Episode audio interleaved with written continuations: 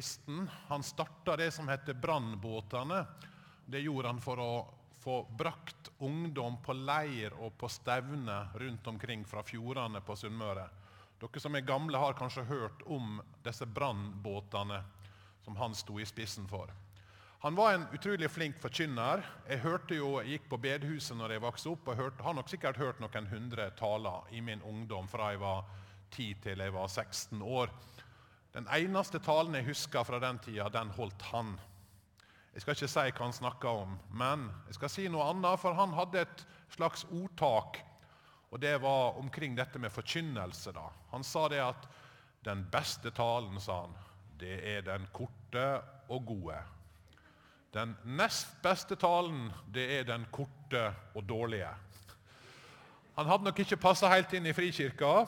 For eh, da jeg fikk eh, begynte her, så fikk jeg høre at det dere ønska, det var lange og gode taler.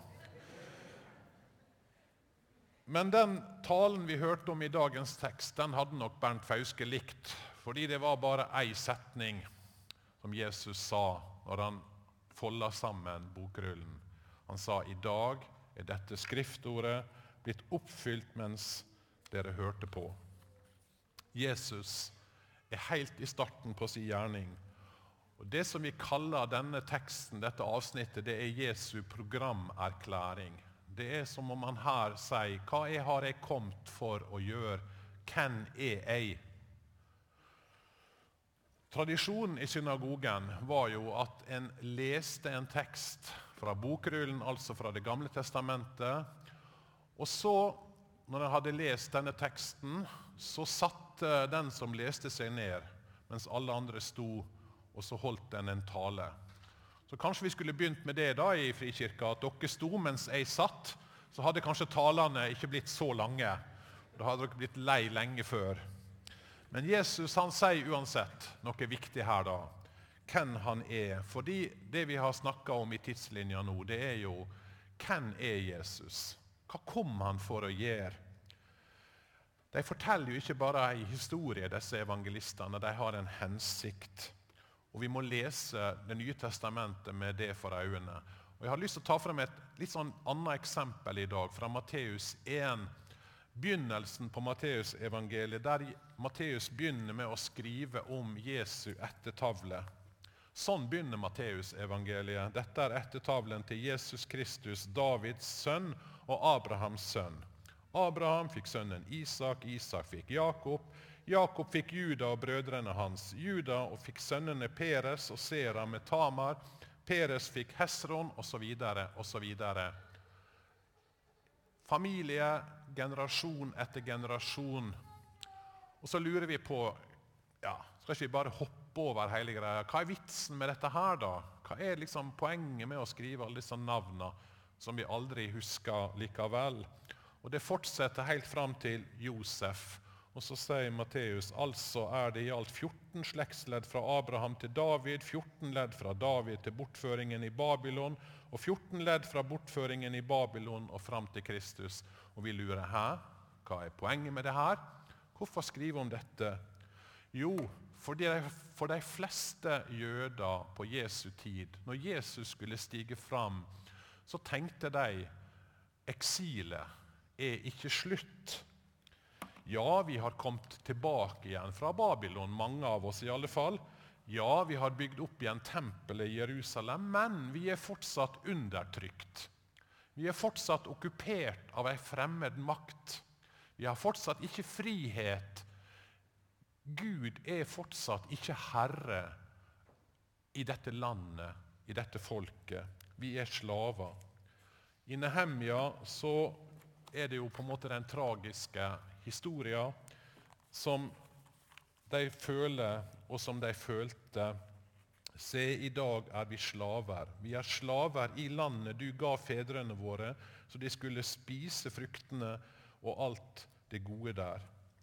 Profetiene har ikke gått i oppfyllelse, er poenget.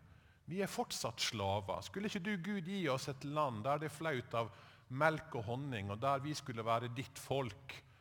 Hvor er det med profetiene som vi har lest om i Jesaja, i Esekiel? De lengta etter Guds inngrep.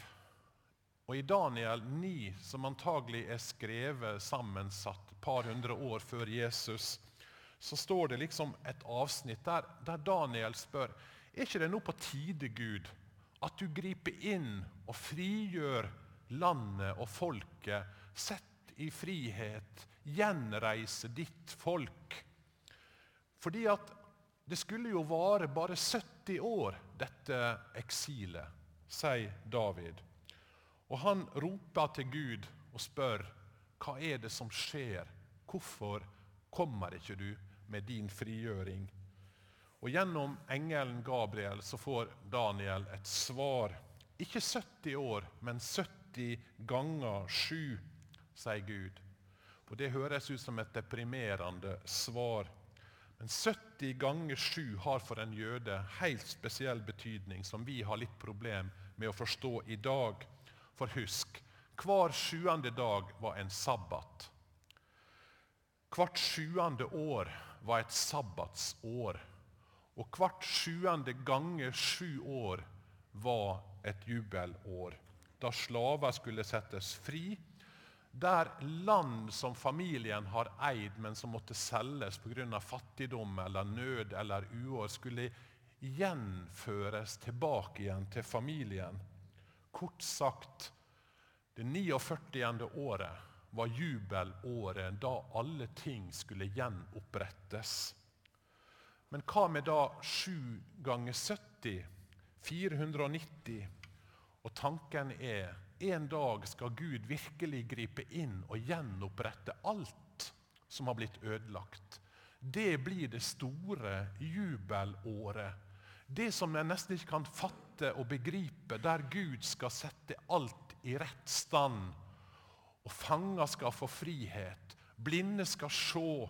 Det skal ikke være sykdom. Gud skal komme. Og så sier Matteus ja, fra Abraham, fra Guds løfte, går det 14 ganger tre generasjoner. Det vil si seks ganger sju generasjoner. Og den sjuende generasjonen, det er Jesus.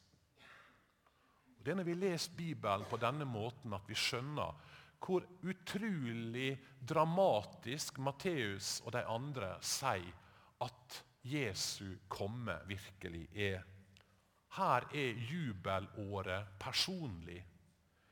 Han som har kommet for å sette i frihet, for å berge sitt folk, for å gjenopprette alt, for å frelse. Du skal få en sønn, så kaller han Jesus, sier engelen til Josef, for han skal frelse sitt folk fra deres synder. Jesus er oppfyllelsen av profetiene. Og Det er som om evangelistene og Det nye testamentet sier Jesus er oppfyllelsen av alt vi har hørt i tidslinja. Guds røde tråd gjennom historien har nådd sin fullendelse i og med Jesus. Og Denne historien har betydning for alle mennesker. Israel har som vi har sett gjennom tidslinja, på en måte båret hele verden sin skjebne, hele verden sin framtid på sine skuldre. Tross deres svik og ulydighet og deres menneskelighet. I deg skal alle jordas folk bli velsigna, sa Gud til Abraham. Det er som om Gud sier det er et svar på Abrahams fall og synd. Og Det er det vi ser i dagens tekst. Når Jesus får bokrullen og slår opp i Jesaja, i fortellingene om Herrens lidende tjener, en merkelig, litt, kanskje litt uklar skikkelse vi møter mange ganger i profeten Jesaja. En som vil gjøre Guds vilje, en som vil gjenopprette det ødelagte. Og Det var det jødene venta på. Det var det de satt og venta på hver sabbat i synagogen der i Nasaret og i Kapernaum og de andre synagogene. En skal komme, og han skal gjenopprette, han skal fri oss. Han skal frigjøre tempelet. Han skal kaste romerne ut, slik at vi endelig blir det landet som Gud har lovt i sine løfter. Og Så leser Jesus denne teksten, og så setter han seg ned, og så er alle spent. Hva vil han si? Og så sier han dette er oppfylt i dag mens dere hører på. Jeg har kommet. Og responsen er på en måte litt sånn Det er nesten sånn du lurer på om de sitter sånn Wow, kan det være mulig? De var forundra. De hørte disse herlige ordene. Er det virkelig sant? Kan han virkelig være Messias? Han er jo, han er jo tross alt Josefs sønn. Men kan det være han som skal fri oss fra dette tyranniet? Kan det være han som nå er kommet for å kaste romerne ut? Ja, For det er jo vi som er de undertrykte, tenkte de. Og Han sier at undertrykte skal bli satt fri. Kanskje nå vil Gud endelig dømme all vondskap. Kanskje Gud vil nå vil endelig dømme Herodes og disse her fæle folka og de grusomme romerne og sette oss fri. Og så er det som om Jesus forstår hva de tenker. De hører gjennom sine filter, ut fra sine tanker om hva Gud har tenkt å gjøre. Og så Jesus fortsetter å snakke og De blir så rasende at de vil prøve å drepe ham. Tar han med opp på fjellet, prøver å kaste han utfor stupet. Hva er det Jesus sier som gjør dem så sint? Jo, han presiserer at 'jeg har kommet med noe helt annet enn det dere har tenkt'. For de tenker 'la oss få en som har makt, vis oss noen mirakel'. Gjør noen kraftige gjerninger som vi ser at du har makt til virkelig å frigjøre. Stig ned fra korset, ropte de siste dagen, så vi kan se at du har makt. Da skal vi tro på deg. Gjør noe spektakulært. Og Jesus prøver å si jeg har kommet med noe helt annet. Og jeg har kommet med ei frelse som er så uendelig mye større enn det dere tror. For dere tror at dette skal gjelde Israel. Dere tror at det skal gjelde deres land og deres folk, vår familie. Og jeg er kommet med et budskap for en hel verden. Og Han illustrerer det med å fortelle om Elia og Elisha. For hva var det disse store profetene gjorde? Jo, de hjalp to stykker, ei enke som ikke var jøde, og en, en spedalsk ikke en jødisk spedalsk, men en offiser i fiendearmeen. Gud hjelper, Gud berger, og han gjør det med feil folk. Jesus peker på at da de store profetene levde, så var det hedninger som fikk hjelp fra Gud. Og så er det som han sier, Når jeg har kommet for å oppfylle Guds løfte, når jeg har kommet for å gjenreise og gjenopprette, ja, så er det for noe mer enn bare for dere. Jeg har kommet for alle mennesker. Ikke for å straffe de vonde romerne, ikke for å hive dem ut med makt, men jeg har kommet med nåde, med frelse, med kjærlighet til alle mennesker. Vi har hatt litt fokus på misjon akkurat i dag. Og Det er på en måte så sentralt i det Jesus kom for. For Han sier dette er noe Gå ut i hele verden og gjør alle til mine disipler. Forkynn budskapet for alle mennesker. Og det er det som er det radikale budskapet. Et budskap som folket i Nasaret ikke likte. De hadde håpt på en redningsmann som skulle kaste romerne ut. Og så får de en Messias som sier 'Jeg er kommet for alle mennesker' et annet slags budskap om Guds nåde til mennesker som ikke fortjener det. Det er det som er det store i evangeliet. At Guds nåde kommer til mennesker som absolutt ikke fortjener det. En asyrer, som jo var en del av okkupantene. En babyloner som hadde herja og plyndra.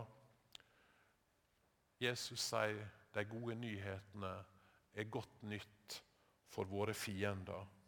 Det er godt nytt for svikende og feilende mennesker av alle slag av alle raser, av alle nasjoner. Gud kan oppreise og tilgi de verste. Det er som om Gud, Jesus sier han kan til og med tilgi og reise opp disse fæle romerne som har okkupert dere. Og de tåler ikke å høre dette, og de prøver å drepe Jesus. For meg har det blitt mer og mer klart at det gode budskapet er at Gud kan tilgi hvem som helst. Vi tenker at Gud kan kanskje tilgi hvis vi oppfører oss sånn passelig godt og er sånn passelig religiøse og ikke roter livet til altfor mye. Men de gode nyhetene er at det er nåde for den verste. Det er tilgivelse for den største av alle syndere.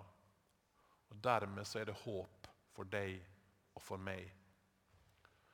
Jeg fortalte i høst en gang om eh, denne tyske teologen Karl Barth, som var med i motstandskrigen mot nazismen under andre verdenskrig, og som ble spurt etter krigen da, hva ville du ha sagt til Hitler hvis du kunne ha møtt han?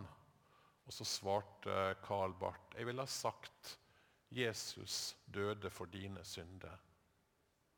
Så radikalt er evangeliet. Jesus døde for våre fiender, men dermed også for oss. Og dermed er det håp for deg og meg. Guds nåde er større enn vi tror. Hans Christian og jeg var på torsdag på ei samling for Det er ei sånn månedlig samling for ledere i pastorer i byen. Eh, et flott fellesskap. Her er masse flotte pastorer og ledere i menigheten og forsamlingene i denne byen. og Det er et utrolig fint fellesskap. Denne torsdagen var det tema var om kraft. Eh, kraft er en paraplyorganisasjon for kristne som jobber for å hjelpe personer i rusavhengighet. Det er en paraplyorganisasjon over ti ulike organisasjoner. Evangeliesenter er en av de. P22 her i byen er en av de. Rusomsorg Vest, Mariastiftelsen. Og så har de da ansatt noen, og en av de som var ansatt, han eh, var der og fortalte om livet sitt. Og det var en utrolig sterk opplevelse. Han heter Joar. Han fortalte om hvordan han kom fra et tøft bakgrunn. Faren var alkoholiker. Politiet sa han var på døra hver veke i heimen deres. Og Så begynte han sjøl å ruse seg når han var elleve år. Eh, først med sniffing, så med alkohol. 13 år begynte han med amfetamin. Tungt inne i rusmiljøet. Og Du blir berørt når du hører en historie om hvordan på en måte livet bare går ned og ned og ned. Enda opp med å bo på gata. Og så forteller han om hvordan han på en måte ganske gradvis, men også gjennom å møte den kristne budskapet, møte Jesus, ble satt fri fra rus og har vært rusfri i mange år. Og så er det satt jeg liksom nesten med tårene i øynene og hørte på en som forteller noe om ja, Jesus er den samme i dag. Han setter mennesket fri når han får komme inn med sin nåde, med sin tilgivelse. Og så er det håp. Og dermed er det håp for deg og for meg. Den som Sønnen har fri, får frigitt, satt fri, han blir virkelig fri. Så er det viktig å si at Jesus aldri lover at det nå skal bli bra. Alt skal nå bli bra. Og Det er som om Jesus i denne dagen i synagoga sier jeg har kommet, Guds rike er kommet nær. Det har brutt inn med sine krefter, men ikke fullt ut. Og Når vi leser mer om hva Jesus sa, så sier han jo til disiplene at dere skal bli fengsla dere skal bli forfulgt. Dere skal bli drept. Det er ikke sånn at Jesus kommer, og så er alt gjenoppretta. Men Jesus kommer, og Guds rike med, med kreftene i dette riket har brutt fram. Vi ser glimt av det, og vi blir bedt om å være med på å fremme dette riket, forkynne dette riket, forkynne Jesus, som fortsatt kan sette mennesket fri og kan hjelpe mennesket, og som kan tilgi synd. Og Det gir håp midt i en verden som vi vet er full av lidelse, av motgang, av sykdom. Og Når jeg ser utover salen, så vet jeg jo at bak alle våre fine fasader og dresser og fine klær, så sitter vi jo med sorg og med smerte og med problem og med motgang og ting som vi sliter med, eller som barna våre sliter med, eller barnebarna våre sliter med. Paulus han skriver om dette her. Jeg har ikke lese hele teksten, men han sier at jeg mener at det vi må lide i tiden som nå er, ikke kan regnes for noe mot den herligheten som en gang skal åpenbares og bli vår. Det Paulus og det Bibelen sier, det er jo at vi lever i spenninga mellom allerede og enda ikke. Allerede har Guds rike kommet. Jesus har kommet, men enda ikke fullt ut. Og Derfor sier han litt lenger nede i teksten ikke sant, at vi er, der er håp for også det skap... Ja, um, han fortsetter med For det skapte venter med lengsel på at Guds barn skal bli åpenbares i herlighet. Eh, og Mot slutten så sier han vi vet at helt til denne dag sukker og stønner alt det skapte samstemt som i fødselsrier. Ja, enda mer, også vi som har fått Ånden, den første frukt av høsten som kommer, sukker med oss selv og lengter etter å bli satt lettere å bli Guds barn fullt og helt når kroppen vår blir satt fri. For i håpet er vi frelst. Et håp vi alt ser oppfylt, er ikke noe håp. Hvordan kan noe håpe på det de ser? Men hvis vi håper på noe vi ikke ser, da venter vi med tålmodighet. Vi lever i denne spenninga, sier Paulus. Vi lengter etter den dagen da vi skal se Guds rike fullt ut. Og så eier vi samtidig Guds rike her og nå, og vi eier dette håpet. Og Derfor sier han tenker at det vi må gjennom, er ingenting mot det som en dag skal åpenbares. Og Så er det det Jesus prøver å formidle. Jeg er kommet, sier han. Det er oppfylt. Guds rike er kommet iblant dere. Han har seira over det vonde. Men selv om han har seira, så betyr ikke det at kampen er over. Jeg husker i andre verdenskrig at det, det så helt mørkt ut. Men det var to avgjørende slag. Ett i Nord-Afrika ved El Alamein og ett ved Stalingrad i 42, som snudde krigslykka. Etter det så visste en at seieren var under rekkevidde. En visste at det kom til å koste blod, svette og tårer, men fra da var det bare ett spørsmål om tid før den endelige seieren var vunnet. Og Det er det det kristne budskapet er. Jesus har kommet, Guds rike er kommet nær, seieren er vunnet. Det er bare tid før den endelig skal bli utløst. Tror vi at englene over Betlehemsmarka sang fordi det var så søtt og hyggelig og fredelig med hyrder og sauer og et barn i stallen? Nei, de sang av desperasjon og fortvilelse og bunnløs glede og sorg over at nå er seieren innen rekkevidde. Frelseren er kommet. Fordi Golgata er menneskehetens Stalingrad. Fordi frelsa er oss nærmere nå enn da vi kom til tru. Jesus er kommet. Jeg er her sier Jesus i synagoga. Fra da av er det bare et spørsmål om tid. Men i denne kampen, i denne tida, så står vi på den sterkeste side, på den seirandes side. Vi hører Han til. Og så venter vi med håp, slik Paulus skriver i sitt brev. Guds rike er i ferd med å invadere denne verden. Og en dag skal vi se det fullt ut. Jesus er her. Og han er her for å møte deg og for å møte meg. Med nåde, med oppreisning, med frihet. La oss be.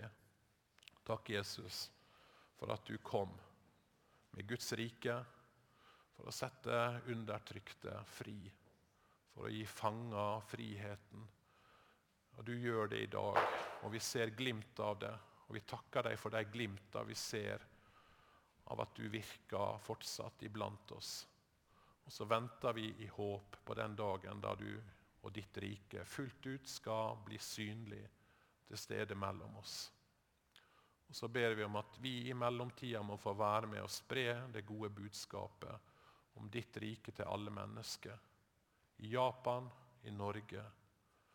Vi ber om at vi skal få være mennesker som peker på deg, og som løfter ditt navn fram.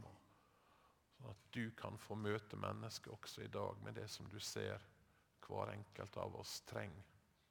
Kom du, Jesus, og møt oss med din nåde, din tilgivelse, med din fred.